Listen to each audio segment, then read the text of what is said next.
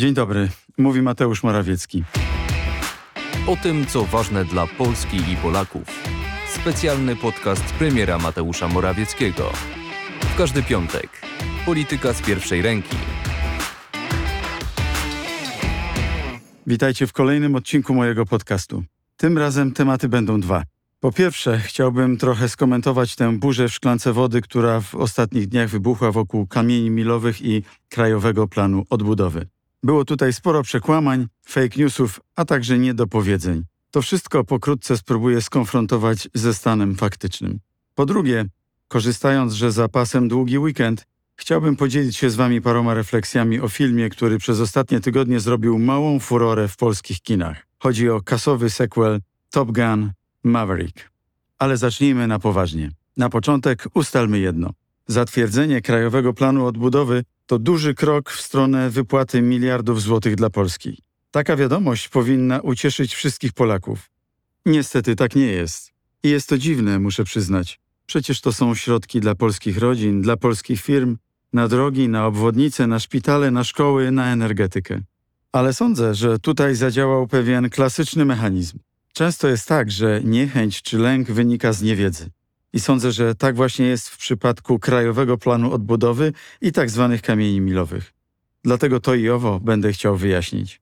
No więc, co to są za środki? I po co nam Krajowy Plan Odbudowy? Zacznę od tych podstawowych kwestii, bo wciąż na ten temat krążą różne fałszywe mity. KPO to w znacznej mierze środki grantowe dla Polski.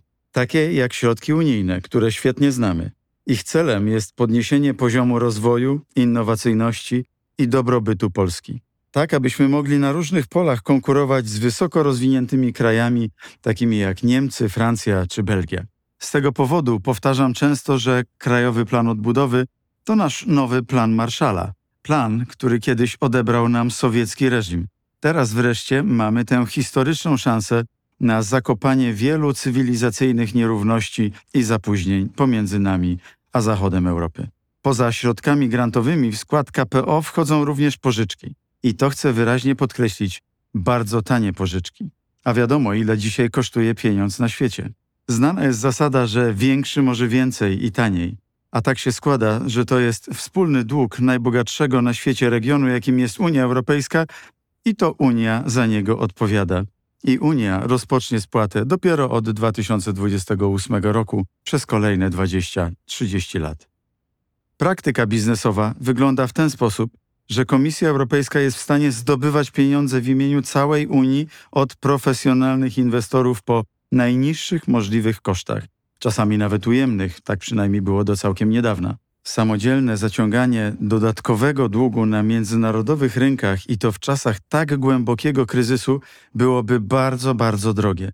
Zwróćcie uwagę, Szanowni Państwo, jaki jest dzisiaj koszt emisji dziesięcioletnich polskich obligacji. Świat nawiedzili, jak to często mówię, czterej jeźdźcy apokalipsy, a więc zaraza, wojna, kryzys energetyczny i żywnościowy, czy wreszcie globalna putinflacja. W takich warunkach działanie w pojedynkę kosztowałoby nas znacznie drożej. To tak, jakbyśmy zamiast dotacji i bardzo taniego kredytu wybrali drogi kredyt i duże ryzyko. Czy byłby w tym jakiś sens? Uczestnictwo w KPO jest więc w najlepszym interesie Polaków. Chodzi przecież o jak najbardziej efektywne wykorzystanie możliwości, jakie daje nam Krajowy Plan Odbudowy. To po prostu polska racja stanu. Wiem jednak, że wiele osób zwraca uwagę nie na same pieniądze, ale raczej na kamienie milowe. To one budzą niepokój. I tu również słowo wyjaśnienia.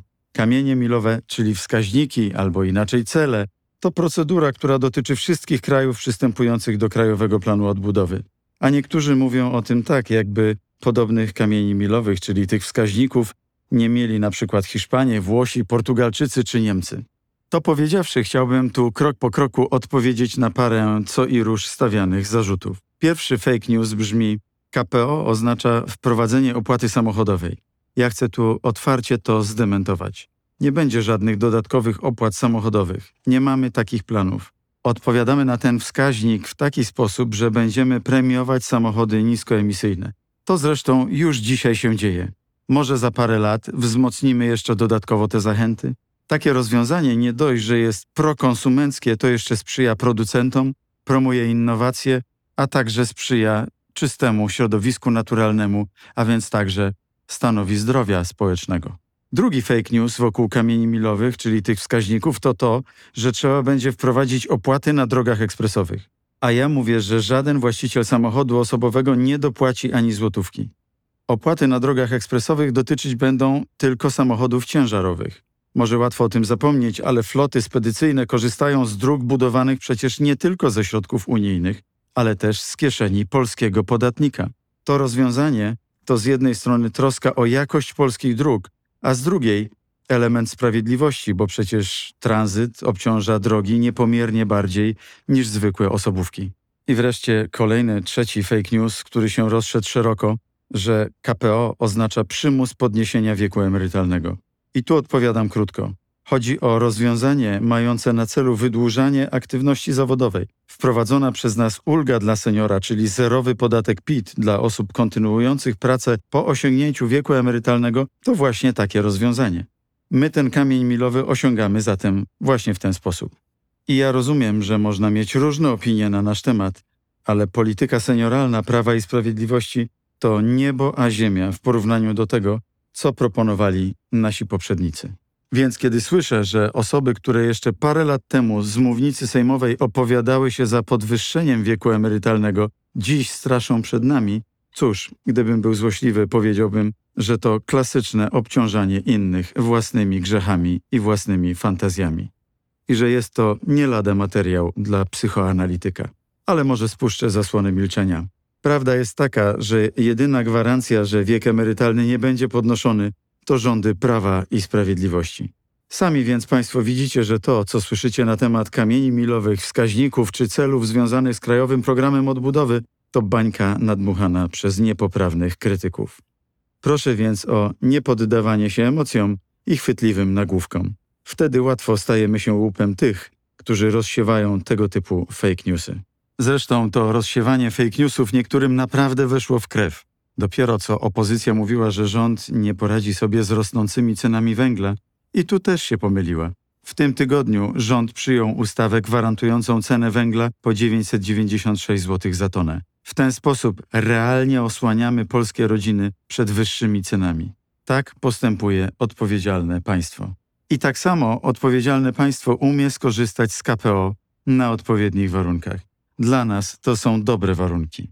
Mamy dobrze rozpisany budżet i jesteśmy w pełni gotowi na realizację kamieni milowych.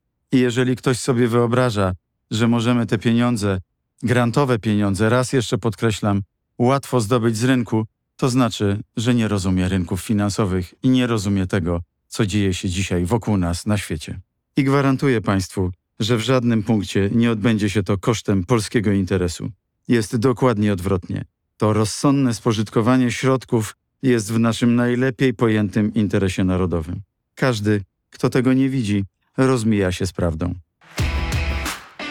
To jest podcast premiera Mateusza Morawieckiego. Słuchaj dalej. I teraz parę słów na temat filmu, o którym mówiłem na początku tego podcastu. Top Gun Maverick. Oczywiście wiem, że pewnie część z Państwa już go widziała, ale polityka niestety gryzie się z czasem wolnym, choć nie zawsze. Dla mojego pokolenia pierwszy film z tej serii to było prawdziwe objawienie. Jak patrzy się dziś na Toma Cruza, aż trudno uwierzyć, że to było 35 lat temu. Wygląda dziś tak samo dobrze jak wtedy. W smutnych latach 80. oglądaliśmy Top Gun, nawet nieszczególnie przejmując się treścią filmu. Kobiety kochały się w Tomie Cruzie albo w Walu Kilmerze, a mężczyźni kochali się w stylu Toma Cruza. Te słynne okulary, które nosił, były prawdziwym obiektem pożądania. Każdy chciał je mieć. Każdy też chciał mieć taki sam motocykl, ale o tym to nawet nie marzyliśmy. W końcu to były smutne lata komuny. A dziś, po latach, Top Gun wrócił do kin i jest chyba jeszcze lepszy niż wcześniej. Znowu przenosimy się do elitarnej szkoły dla pilotów wojskowych. I znowu mamy opowieść o prawdziwej przyjaźni, honorze i poświęceniu. Ja wiem, że dzisiaj rozmowa o takich wartościach dla wielu trąci myszką. Niektórzy powiedzą nawet, że to dziaderstwo. Ale idźcie zobaczyć Top Gun Maverick i sami ocencie, czy wierzycie jeszcze w taki świat, który pokazuje film. Nie będę tutaj opowiadał, o co dokładnie chodzi, żeby nie psuć zabawy tym, którzy jeszcze filmu nie widzieli, ale chciałbym zwrócić uwagę na parę spraw, które mnie mocno uderzyły podczas oglądania. Jest taka scena, w której bohater grany przez Toma Cruza spotyka się ze starym admirałem. Ten drugi mówi do Toma Cruza, że czas odwagi i honoru w armii już się kończy, że za chwilę nie będzie potrzeba pilotów, bo ludzi zastąpią drony. Drony się nie mylą, drony nie myślą. Tom Cruise spogląda na admirała, uśmiecha się i mówi, że może takie czasy nadejdą, ale jeszcze nie dziś. Kiedy myślałem o tej scenie, to nie mogłem zapomnieć o Ukrainie. Ostatnio pisałem o tym we Frankfurter Allgemeine Zeitung, gdzie krytykowałem Henry'ego Kissingera. Gdyby sprawę wolności Ukrainy oddać w ręce sztucznej inteligencji, która potrafi tylko kalkulować zyski i straty, to pewnie, tak jak proponuje Kissinger, ta inteligencja już siedziałaby przy stole z Putinem i negocjowała, jaką część Ukrainy oddać Rosji. Na szczęście Ukraińcy nie kalkulowali, bo dla nich wolność nie ma ceny i jest wartością, która nie podlega negocjacjom. Na szczęście, wbrew wszelkim prognozom, masowo chwycili za broń i odparli ten pierwszy atak rosyjskich barbarzyńców. Ktoś taki jak Kissinger powiedziałby pewnie, że zachowali się zbyt brawurowo i nierozsądnie, a ja mówię, że po prostu zachowali się tak jak trzeba. W Top Gun też jest to napięcie między tymi, którzy są wierni procedurom, a tymi, którzy ufają swojej intuicji. I to właśnie intuicja prowadzi do największych aktów odwagi, bo intuicja nie kalkuluje. Głos intuicji to głos dobra, zdolność działania poza schematami. Kiedy starzy generałowie mówią, że pewne rzeczy są niemożliwe, a jedyne co można zrobić to stosować się do utartych zasad i liczyć na cud, kapitan Maverick, czyli Tom Cruise, mówi: Ja się nie poddam. Ja znajdę taką drogę, która doprowadzi do sukcesu. Ja nie liczę na cuda. Ja po prostu cudów dokonuję. Powiecie Państwo, że to bajka. To ja w takim razie znowu odsyłam na Ukrainę.